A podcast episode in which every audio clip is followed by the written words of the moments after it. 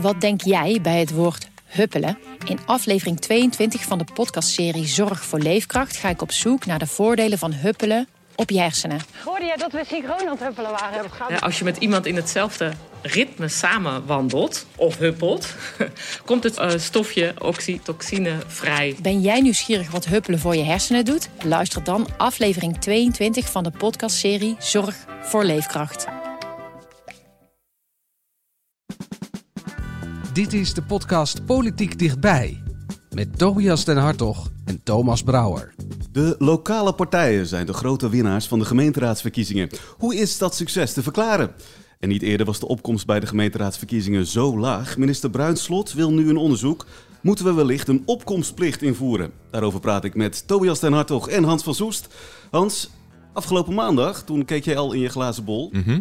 Je had een voorspelling voor de gemeenteraadsverkiezingen. Weet jij nog wat jij tipte? Ik durf het echt niet te zeggen. Ik, eh, dat de lokale partijen zouden winnen? Jij lichtte er één gemeente specifiek uit. En ik hoopte dat jij het zou zeggen, want ik heb de hele week al geoefend op die naam. Ligt in Friesland. Tietje extra deel. Oh ja, ja. Leefbaar eh, in, in die gemeente. Dat is hem niet geworden. Wat hem wel is geworden, dat is eh, deze partij. Laten we even luisteren. Maar eerste deel, de FNP, wat fjouwer hier, het werkje, wordt belenen, maar in. Hoppa, dit eerste deel bedankt. Wij gaan ervoor, we zetten het erop, we hebben alle fjouwer hier met het binnen. En zo gaat het erop. Hoppa, dat kan maar duidelijk zijn. Er is geen woord Spaans bij. Zeker niet, zeker niet. De FNP is dat. Dat is de, de Friese Nationale, Partij. Exact. Ja, dat is de, de grote winnaar. Haalde, haalde vijf zetels. Net zoveel als het CDA, maar haalde wel iets meer stemmen. Het is niet de enige lokale partij die een eh, landelijke partij opzij zette, Tobias. Nee, bepaald niet. Het was, het was, het was weer, eh, weer de verkiezingen van de lokale partijen. Het, werd- het was voorspeld en het is waargemaakt. Ja, zeker. Het is heel makkelijk om eh, eh, te roepen, oh dat zijn proteststemmen eh, of mensen zijn ontevreden over de landelijke partijen. Dat is waar, maar dat is maar deels waar. Weet je, dat is echt niet de enige verklaring. Heel veel lokale partijen hebben ook gewoon programma's die kiezers aanspreken. Zo simpel is het. Eh, het is te makkelijk om, eh, bedoel, dat wordt nog wel eens gedaan door commentatoren, om, om het maar te roepen van, oh ja, eh, ze stemmen, het is een soort van alternatief voor landelijke partijen, hè, omdat ze ontevreden zijn. Maar sommige lokale partijen zijn gewoon goed. Ja, weet je, ik vind het, er wordt nog wel eens met dédain over lokale partijen gesproken. Dat is echt een onrecht. Daar gaan we het straks zeker uitgebreid nog over hebben. Maar laten we eerst even luisteren hoe die verkiezingsavond precies verliep.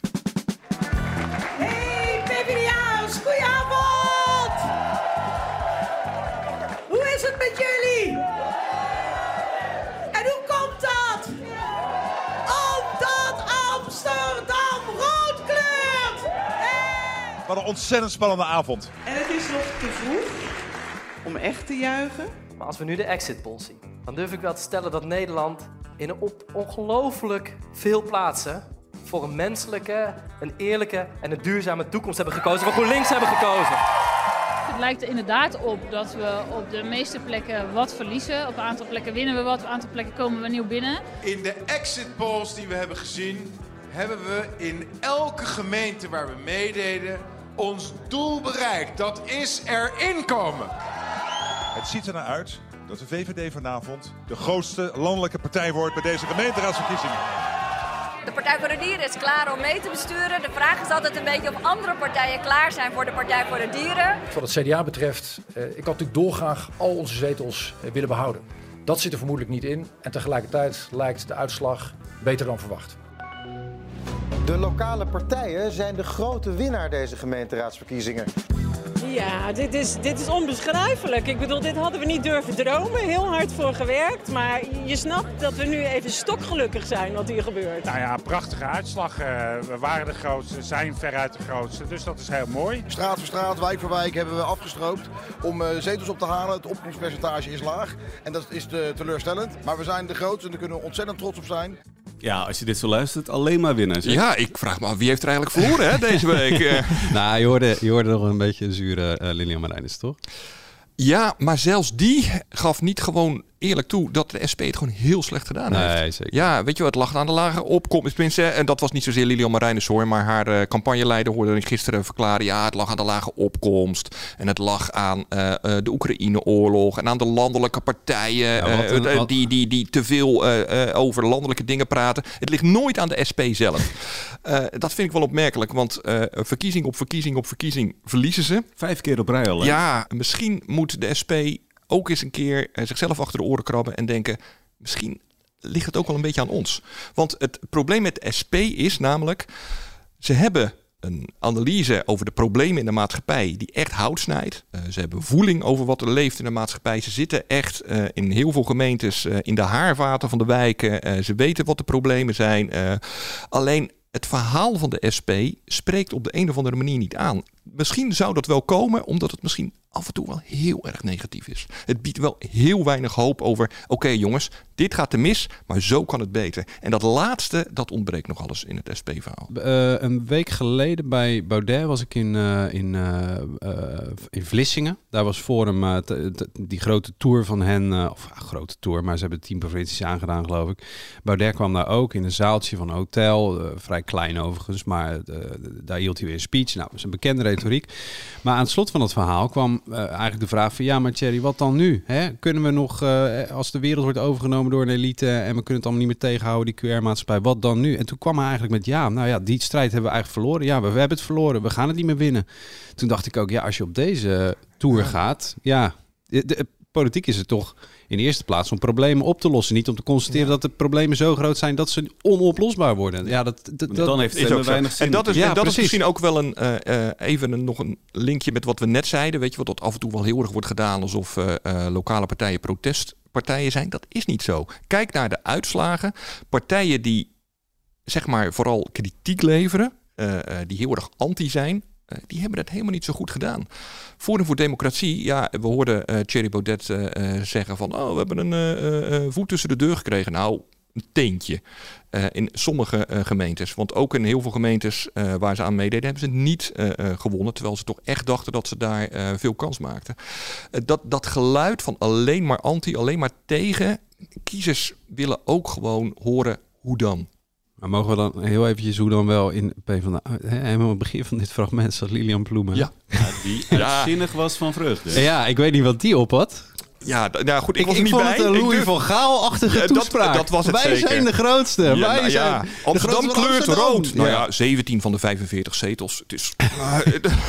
Ja, en, Maar- en ook daar, hè, de hoogopgeleide eh linkse eh, eh, stemmer, die is opgekomen. Hè. Er zijn heel veel eh recentrum-rechtse stemmers zijn thuisgebleven. Hè. Dus Is ook zo. Je, je wint de, alles binnen de, de, de eerste vier, vijf grachten eh, ring- ringen, zeg maar. Ja, die, die kleurt zo. rood. En als je buiten Amsterdam kijkt, is de PvdA, als je naar alle raadzetels kijkt, zijn ze gewoon net zo groot eh, of klein, net hoe je het eh, eh, Ja. eh, noemen wil, als eh, vier jaar geleden. Ja, dus voor euforie stemmen was er niet echt heel veel reden. Ja, en toch is dat wel de, de boodschap die zo'n zo'n partij dan uitstraalt. Ja, maar, dat dit- doen ze allemaal, hè? Ja, dit is echt spindokterwerk. Ik bedoel, die hebben gewoon drie speeches klaar liggen. Eén als het meevalt, één als het zo-zo is en één als het heel erg tegenvalt. En alle drie kleuren ze positief. Alle drie is de boodschap. Jij gaat dadelijk zeggen dat het is meegevallen, dat je erger had, in het slechtste geval, dat je erger had verwacht, dat je de vrijwilligers bedankt, dat we deur tot deur zijn, dat het fundament is gelegd voor de volgende verkiezingen. En ja, het valt nu even tegen, maar het weer was slecht en de scheidsrechter en het veld liep schuin af. Je gaat aan iedereen de schuld geven, behalve jezelf. En perspectief bieden voor de volgende verkiezingen. Het is beeldregie dit. Eh, nou, het is niet alleen. Ja, het is, ja, je mag het beeldregie noemen. Het is natuurlijk ook. eh, het is maar net hoe je naar uitslagen kijkt. Cijfers kun je altijd op meerdere manieren interpreteren. Daarom kunnen nu ook twee partijen zeggen dat ze de grootste zijn geworden. VVD kan zeggen: oh, wij zijn de grootste landelijke partij geworden bij de lokale verkiezingen. Ja, als je kijkt naar percentage stemmen. CDA kan het zeggen als je kijkt naar raadzetels. Als je kijkt naar eh, procentuele groei. Ja, kan GroenLinks zeggen: Nou, dat hebben we eigenlijk best wel goed gedaan. Dus weet je, je kunt altijd wel een reden verzinnen dat je het echt geweldig hebt gedaan. En eh, zo eh, eh, je achterban opzwepen. Om vooral bij de volgende campagne nog meer je best te doen om zetels te scoren. Maar als je gewoon van een afstandje kijkt, hebben natuurlijk de landelijke partijen het slecht gedaan. Toch een frame wat je dan eh voorgespiegeld krijgt. Zeg maar, hoe lastig is dat om als politiek verslaggever daar niet in mee te gaan? Nou, eh, niet zo heel erg. Want je, zie, je ziet het gebeuren. Ik bedoel, het, het, het CDA zou kunnen zeggen... Op basis van het zetelaantal zijn wij de grootste. Nou, als eh, Hoekstra met dat eh, eh, met zo triomfantelijk naar buiten was gekomen... dan denk je natuurlijk, ja...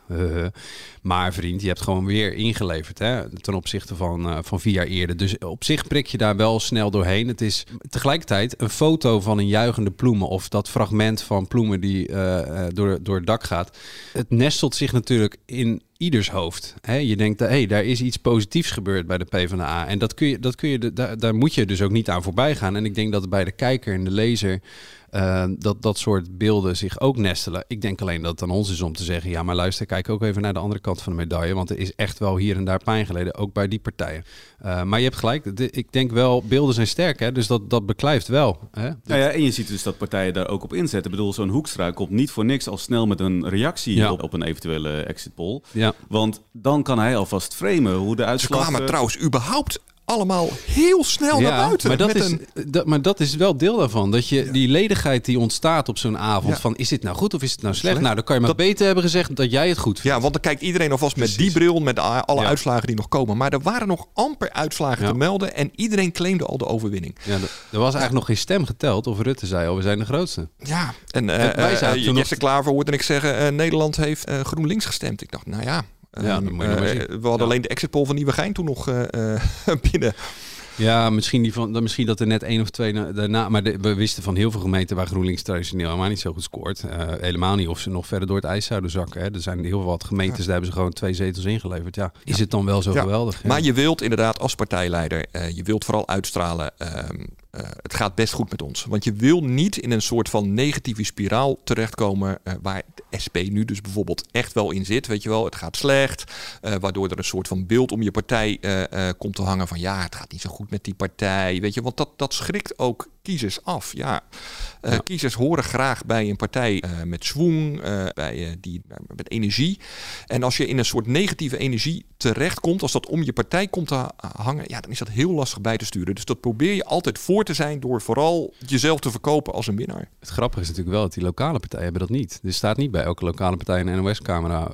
want die hebben dan toch wel het primaat die avond NOS. Er staat niet overal een, een NOS-camera op die lijsttrekkers om hun reactie te peilen. Dus blijkbaar doen zij het zonder, die, eh, zonder dat, dat hele sterke beeld. Doen ze het ook, hè, doen ze het ook goed. Je hebt dus andere kanalen waarop ze... Ja, eh, nou ja, die, die, kiezers die moeten het dus wel hebben van die eerste dagen en de aanloop enzovoort. En, eh, en, en niet per se naar het beeld wat blijft hangen. PvdA heeft ook eh, een tijdje zeg maar, ge- gesurfd op de golf die Frans Timmermans had bij zijn verkiezing bij het eh, Europees Parlement. Eh, Eurocommissaris mee geworden. Weet je, dat was echt wel indrukwekkend. Daar kan allerlei kanttekeningen bij plaatsen. Hè, dat we überhaupt Frans Timmermans de enige kandidaat was die we kenden. Eh, dus dan ga je maar op hem stemmen enzovoort. Maar toch blijft er dan een soort van ja, iets, een positieve vibe of zo hangen bij die partij. Van oh, maar goed, toen hebben ze het wel aardig gedaan, weet je wel. Dus daar kom je best een end mee. Maar die lokalo's moeten het dus zonder dat doen en het hebben van hun programma's. En ja, bij, eh, er is gewoon markt voor. En eh, eh, het was Julian van Ostaaien van de de Universiteit van Tilburg die analyseert ook dat het afzet tegen de landelijke partijen, dus dat, dat gedaalde vertrouwen in de landelijke politiek, dat de lokalo's daar ook stemmen mee weten te mobiliseren, enerzijds. Maar anderzijds dat zij ook hun programma, dat dat wel degelijk echt toepasbaar is op de directe omgeving van mensen. Dus wel, wel of geen weg naar zus of zo, eh, meer of minder cameratoezicht, eh, meer of minder ruimte voor bedrijfsopenstellingen op zondag bijvoorbeeld, je, dat soort dingen. Ja, dat is blijkbaar pakkend. Een theatertje wel of niet doen, een, een bi- bibliotheek open houden. Nou ja, er zijn allerhande dingen denkbaar waar die eh, lokale partijen eh, sier mee hebben gemaakt. En dat beklijft dus wel. Gewoon Ja. concrete oplossingen Ja. voor lokale problemen die ze Exact. bieden. Ja. Ja. Nou ploft eh, donderdag die, die krant op de mat. Woensdag zijn de, de resultaten al bij ons op de site te zien natuurlijk. Krijgen jullie dan al meteen eh, belletjes en appjes van eh, voorlichters en partijleiders van... joh, eh, jullie zien dit echt helemaal verkeerd. Wij hebben, wij hebben helemaal niet eh, verloren, we hebben gewonnen.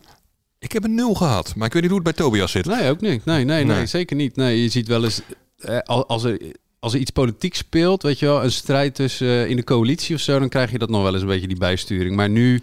Ja, misschien ben ik sowieso eh, een slechte journalist, want ik krijg eigenlijk nooit van dat soort belletjes. Ook niet eh, bij andere verkiezingen. Dus, Of je doet het gewoon heel goed, Hans. eh. Ja, of ehm, eh, ze Nee, hebben nog nooit maar- van Hans van Soes gehoord. Dat kan natuurlijk Nou, ook. maar het heeft er ook mee te maken. De, zij weten ook wel dat die, eh, die, die cijfers, die zijn voor. Tuurlijk, je kunt ze op meerdere wijzen uitleggen. Maar ja, wij zijn niet te bespinnen over hoe- we die cijfers gaan uitleggen. Ik bedoel, dat, ja, dat het is geen hou aan. Nee.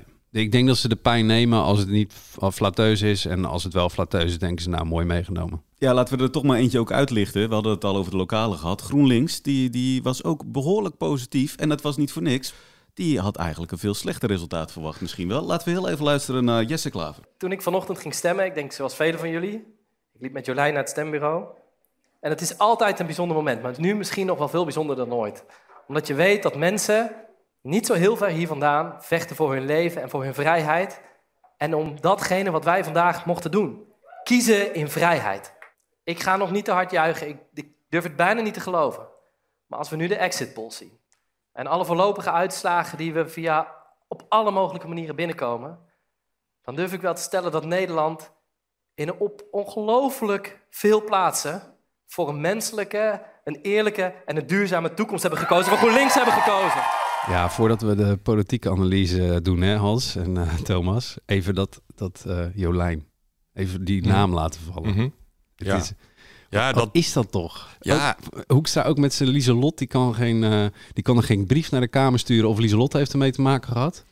Wat ja, is dat toch? Je wilt jezelf uh, als, als, als politiek leider gewoon als mens ook presenteren. Dat, dat is het. Ja, Meer is het niet. Dat, ja, zo simpel is het. Um, uh, je wilt aan kijk, elke uh, partij die wil groeien, uh, of je nou CDA bent, GroenLinks of uh, Partij voor de Dieren, die zal uiteindelijk, uh, als je groter wil worden dan zeg maar de harde kern mensen die ook echt jouw partijprogramma lezen en het daar van A tot Z mee eens is, dan zul je mensen op een andere manier moeten aanspreken. En een van die dingen is, en dat is eigenlijk wel het belangrijkste, is dat mensen gewoon vertrouwen in je hebben. Dat mensen het gevoel hebben, oké, mijn stem is bij jou in goede handen. En dan helpt het uh, als uh, uh, je presenteert als een gezinsman, als mensen die verantwoordelijkheid hebben genomen, als mensen die iets hebben meegemaakt in hun Ja. leven. Andersom zag je dus bijvoorbeeld ook dat in het verleden andere partijen heel erg hebben geprobeerd, juist op dit punt Mark Rutte van de VVD kapot te maken. Hè. Die probeerden hem neer te zetten als een beetje een, een vrijgezel die de was nog deed bij zijn moeder, een beetje wereldvreemd. Ah joh, weet je, wel, die moet je niet serieus nemen. Stem niet op hem.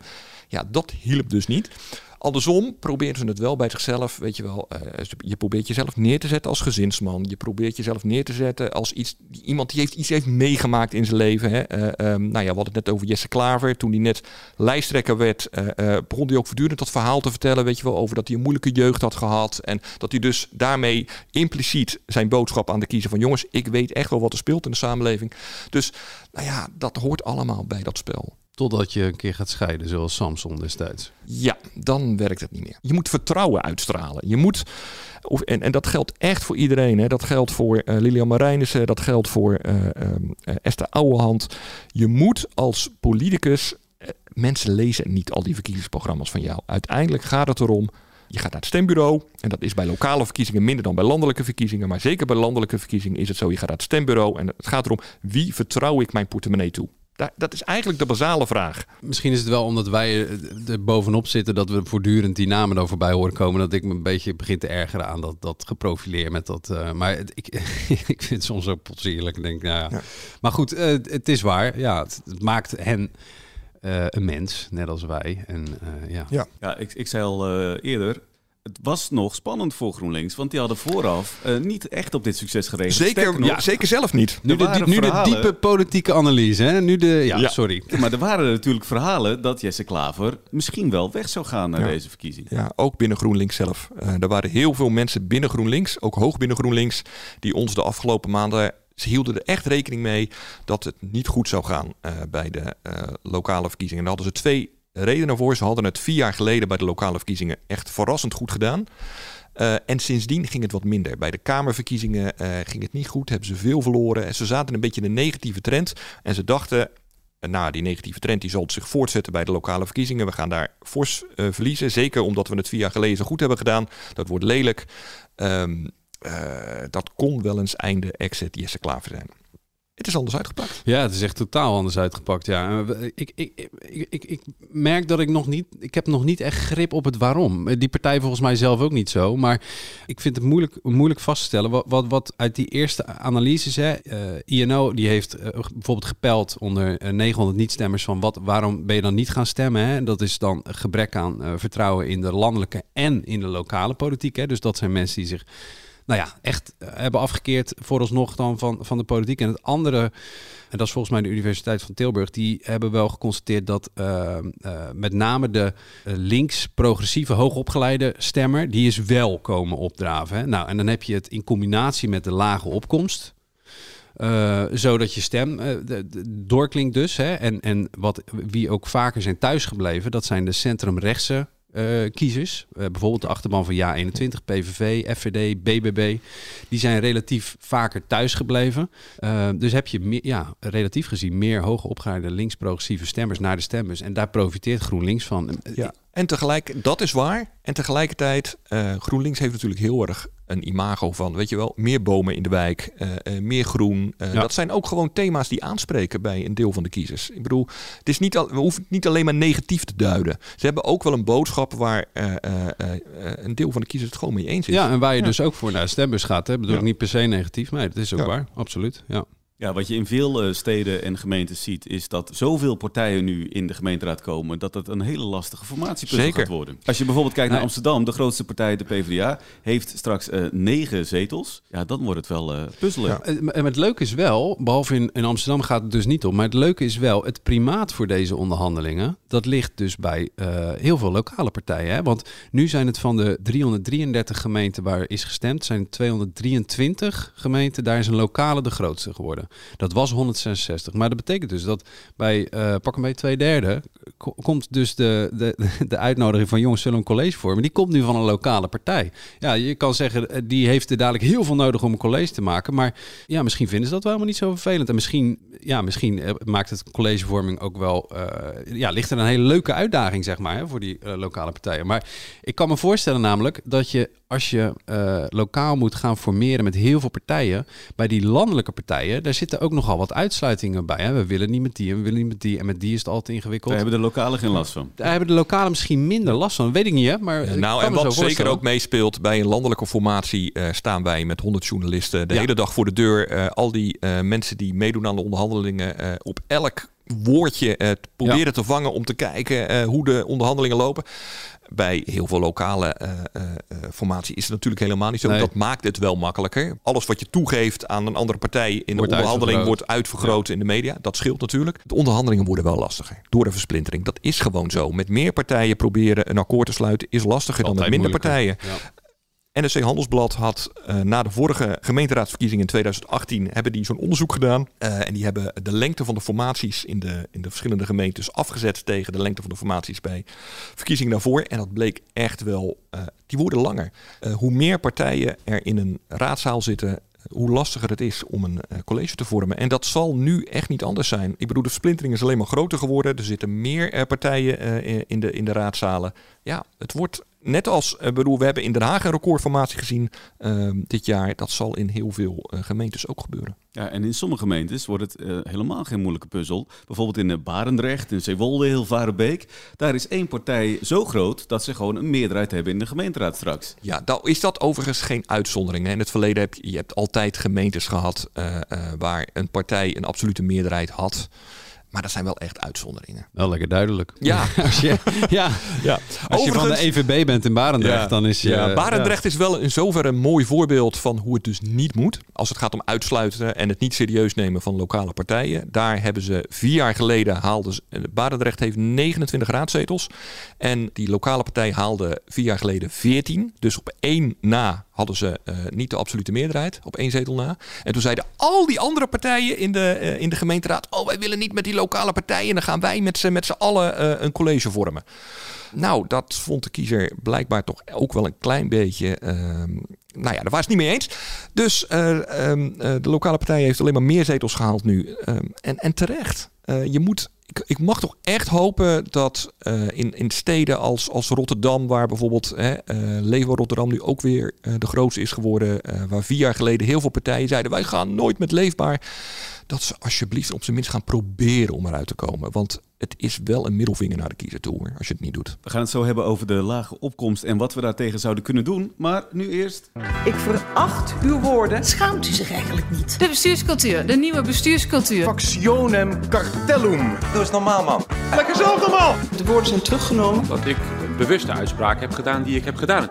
Ja, Tobias, jij maakt je op voor uilen van Minerva, voor andere dieren uit de dierentuin, maar uh, niets van het al hè? Nee, nee, de speech van, uh, van Thierry Baudet was dit keer uh, heel uh, mainstream, heel doorsnee. Eigenlijk een beetje een karteltoespraak, hè? zoals alle politieke partijen hun, hun overwinning claimen of hun nederlaag toegeven. Ja, nee. Wat is het dan wel geworden? Nou ja, toch een FVD'er. maar dan eentje op Urk. Nou, je, hebt, zeg maar, je hebt goede verliezers en je hebt slechte verliezers. Luister maar even tot welke categorie deze jongeman behoort. Urk wil zelf niet vooruit. Weet je wat het is? Urk wil zelf gewoon een woningtekort. Urk wil zelf stemmen op op de meest domme partijen die ik kan voorstellen. De, dus, ja, weet je, wat er gestemd is, ik kan er met mijn hoofd niet bij. En uh, ja, het laat, het laat wel weer zien. Laat, voor mij maakt het heel veel duidelijk. En het meeste duidelijke bij mij is nu dat ik gewoon niet op Urk thuis hoor.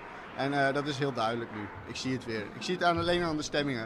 Ik bedoel, uh, dat een dementerende vrouw een zetel haalt. Dat een dementerende man die alles vergeet drie zetels haalt. Uh, we stemmen niet op Urk op een partij, maar op personen. We stemmen op Urk op personen, op familieleden, op sentiment.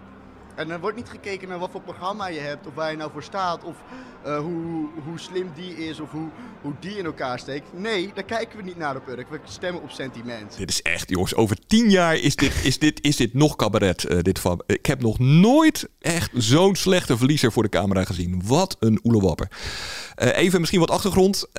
Urk heeft heel veel campagne gevoerd in Urk. of sorry, Forum voor Democratie heeft heel veel campagne gevoerd in Urk. Ze dachten daar echt een potje te breken. Nou, ze hebben nul zetels gehaald. En als je dan zo je verlies incasseert, over tien jaar is dit nog lesmateriaal van hoe het niet moet bij politieke partijen. Want ja, je maakt jezelf echt, echt belachelijk. Ja, deze komt in de cursus van heel wat spindoctors, denk ik. Zo doe je niet. Overigens denk ik, ik, ik, ik weet niet of zijn analyse niet klopt. Hè? Ik bedoel, misschien is Urk wel... Urk is een, is een apart, een aparte plaats. Hè? Ik bedoel, daar nou, dat is eens te meer gebleken, daar hoeven we niet over uit te wijden. Maar misschien is de, de ons kent ons mentaliteit wel inderdaad zo dat je naar die en die gaat. Maar dat, dat maar de hallo, analyse... Tobias, wat nee, nee, nee, nee, nee, is, de kiezer is dom. De kiezer is dom, want ze hebben niet op mij gestemd. Kom op zeg. Ja, dat kan dus niet. Ja. Dat kan dus niet. Ik zou uh, uh, altijd eerst even naar jezelf beginnen te kijken. Maar misschien leert deze jongen nog wel. Hij kondigde in het interview aan dat hij terug gaat naar Groningen. Hè? Dus misschien gaat hij daar wel een politieke carrière maken. En, daar Ik verwacht dat we deze Josias van Rees nog terug gaan zien. Wij wensen hem heel veel succes in ieder geval. We hebben het over, uh, over mensen gehad die even door een zure appel heen moesten bijten. Dat geldt ook voor uh, de SP. Het lijkt er inderdaad op dat we op de meeste plekken wat verliezen. Op een aantal plekken winnen we wat, op een aantal plekken komen we nieuw binnen. Ik maak me vooral heel veel zorgen over de opkomst. Het lijkt er nu op dat half Nederland niet heeft gestemd. Ik ben de laatste tijd zelf veel de buurt in geweest. En ik heb wel gezien, ja, er zijn buurten, vergeten buurten in Nederland... waar mensen echt totaal geen vertrouwen meer hebben in de politiek. En ik zie daar ook echt een opdracht voor ons. Ja, daar raakt Marijnse natuurlijk wel een punt. Die opkomst die ja. was uh, bijzonder laag. Die kwam dit jaar uit op slechts 50,9 procent. Hoe, hoe zorgelijk is dat? Zorgelijk. Tegelijkertijd moeten we ook niet doen alsof er nu ineens iets heel nieuws aan de hand is. Uh, deze ontwikkeling uh, dat er weinig mensen naar de stembus gaan bij gemeenteraadsverkiezingen, die is al decennia aan de gang. Ik bedoel, die, die schommelt al heel veel edities uh, rond de 54 procent. En nu ligt die een paar procentpunt lager. Maar wel in een tijd uh, uh, waarin de campagne heel laat op gang is gekomen hè, door de Oekraïne-oorlog. Ik, ik denk echt serieus dat heel veel mensen niet echt in de gaten hadden dat er nu alweer verkiezingen waren. Of er te laat achter kwamen om er nog tijd voor te maken. uit onderzoek van INO deze week bleek nog dat een deel van de kiezers, zo'n 8%, ook bang was om naar de stembus te gaan om corona. Dus dat de opkomst nu wat lager lag dan de vorige keer is wel verklaarbaar. Het wil niet zeggen dat het niet zorgelijk is, maar het is niet een nieuwe ontwikkeling. Hoe bereiken we die, die buurten dan wel, die nu volgens Marijnissen dus niet worden bereikt? Ja, goede vraag. Ik, ik, ik, denk dat als je burgemeester van Rotterdam bent hè, en je hebt een, uh, een opkomst van uh, ergens in de 30 procent. Ja, 38,9. 38,9 en je ziet wijken, uh, Carnisse zat ergens in 15 na, na, na zoveel procent van de stellen. Ik heb de eind, eindpercentage niet gezien, maar ze zaten echt heel laag. Ja. Ja, dan schrik je de tandjes. Want de gemeenteraad heeft bij uitstek invloed op hun levens. Ja. Uh, veel meer dan uh, als je in Hillegersberg ja. woont uh, aan de Parkweg. Of... En dat is meteen de belangrijkste verklaring waarom de opkomst bij gemeenteraadsverkiezingen zo laag is. Um, er gaat nu een onderzoek gehouden worden door het ministerie van Binnenlandse Zaken. Maar dat is niet voor het eerst. Dat doen we na elke raadsverkiezing. En uh, uit eerdere onderzoeken blijkt eigenlijk telkens weer dezelfde reden waarom de opkomst zo laag is. En dat is omdat het merendeel van de mensen gewoon niet het gevoel heeft dat die verkiezing nou echt zo belangrijk is. Weet je wel, die gemeenteraad, doet, wat doet hij nou eigenlijk precies? Uh, maakt mijn stem nou echt uit? Weet je wel, het is allemaal niet zo belangrijk. Ze hebben niet het gevoel dat er echt iets op het spel staat. Ja, Iedereen roept nu natuurlijk meteen van uh, uh, de opkomst is zo laag omdat vertrouwen in de politiek zo laag is. Dat is waar. Dat geldt voor een deel van de kiezers. Maar dat verklaart niet waarom bij de landelijke verkiezingen, waar daar is dat vertrouwen, daar ook, is niet dat hoog. vertrouwen ook niet hoog. Maar dan is de opkomst wel hoog. Het, het, de, kern zit hem er vooral in dat heel veel kiezers niet het gevoel hebben dat het echt toe doet. En dat is wel een taak waar eh, gemeentes eh, er natuurlijk wel iets aan kunnen doen. Ja, gemeenteraadsleden zullen er harder aan moeten trekken. Tegelijkertijd, dat is dan weer een taak aan Den Haag. Zorg er dan ook voor dat die gemeenteraadsleden dat kunnen. Want ja, het, het is nu een bijbaan. Hè. Eh, Je krijgt er eh, eh, een minimale vergoeding voor. Eh, ze hebben er ook nog eens een keer veel meer werk bij gekregen de afgelopen jaren. Veel meer taken. Die gemeenteraadsleden die komen om in het werk. Die komen veel te weinig toe aan het de wijken ingaan. Met mensen praten. en, en waardoor mensen dus ook het gevoel krijgen van... Oh ja, het doet ertoe. Dit is wat mijn gemeente eh, eh, doet. Dus mijn stem is belangrijk. Ja, ik hoop dat het onderzoek van eh, het ministerie van Binnenlandse Zaken zich richt op, op die vertrouwensvraag. En dan wel, is het één, is het wantrouwen in dat politici het niet goed met je voor hebben? Hè? Dus is het echt wantrouwen? Of is het dat je er geen vertrouwen in hebt dat ze een verschil voor je kunnen maken? En eh Marijnissen die zit altijd, ook weer in dit citaat, zit altijd op de lijn van eh, politici. Het is allemaal, eh, ze liegen en, en Rutte liegt. Hè. Dat was de kern van haar boodschap nog tot, tot, tot 24 uur eh, voor de verkiezingen. Nou, ik zeg niet dat het niet waar is. Eh, eh, de, man zal liegen. En ik denk dat we dat meer dan eens ook in de krant hebben gezet als hij was, was betrapt op een handig vergeten feit of een weggemoffeld rapportje of wat dan ook. Het zal niet onwaar zijn, maar ik vraag me af of eh, zij en anderen ook voldoende tussen de oren hebben en in welke mate dat speelt, dat mensen denken het heeft geen zin om te stemmen. Want ik heb de indruk dat dat ook vaker dan ze misschien eh, wil toegeven een rol speelt. Ik, en ik hoop dat het ministerie dat ook in het onderzoek eens een keertje onder de loep neemt. Ehm, want daar zit misschien wel het grootste probleem. Als je denkt dat het geen zin hebt, dan ja, waarom zou je dan gaan stemmen? Ja, bij zo'n lage opkomst valt ook altijd eh, het voorbeeld België. Die hebben een opkomstplicht. Ja, wij, Wij, wij hadden hem tot 1970. hè? Tot 1970 hebben we hem afgeschaft. Bleef meteen een derde thuis. Ja. Ja. Wat, wat dus, waardoor je dus meteen kunt afvragen, ja, moet je het doen? Ja. Want ja, een opkomstplicht, eh, dan gaan er meer mensen naar de stembus. Maar dat is nog geen oplossing voor het probleem waar we het net over hadden. Dat mensen niet het gevoel, het gevoel hebben van ja, pff, waar, waar doe ik het eigenlijk voor? Als je wilt dat lokale politiek meer gaat leven, dan moet je echt meer doen dan een opkomstplicht. Nog een klein advies dan voor minister Bruinslot. Wat zou u dan moeten doen? Wat zou er dan moeten gebeuren? Meer geld voor gemeenteraadsleden? Nou, al, al- wat mijn persoonlijke Ja? mening, ja, dat vind ik wel. Ik vind het echt onbestaanbaar dat eh, ehm, we zoveel belangrijke taken bij gemeenteraden hebben neergelegd. En ehm, de mensen die dat werk moeten controleren, die dat beleid moeten maken, niet fatsoenlijk betalen. Ja, sorry. Het, ik- vind eigenlijk dat een gemeenteraadslid een, gewoon een baan moet zijn. En dat kost meer belastinggeld, dat is waar, maar democratie kost geld. En nu eh, eh, willen we democratie op een koopje. En ik vind niet dat je zoveel belangrijk beleid door eh, mensen kunt laten eh, controleren die dit er maar in de avonduren even bij moeten doen. Bruinslot kan je bellen, Hans. Ja. En een tikje sturen.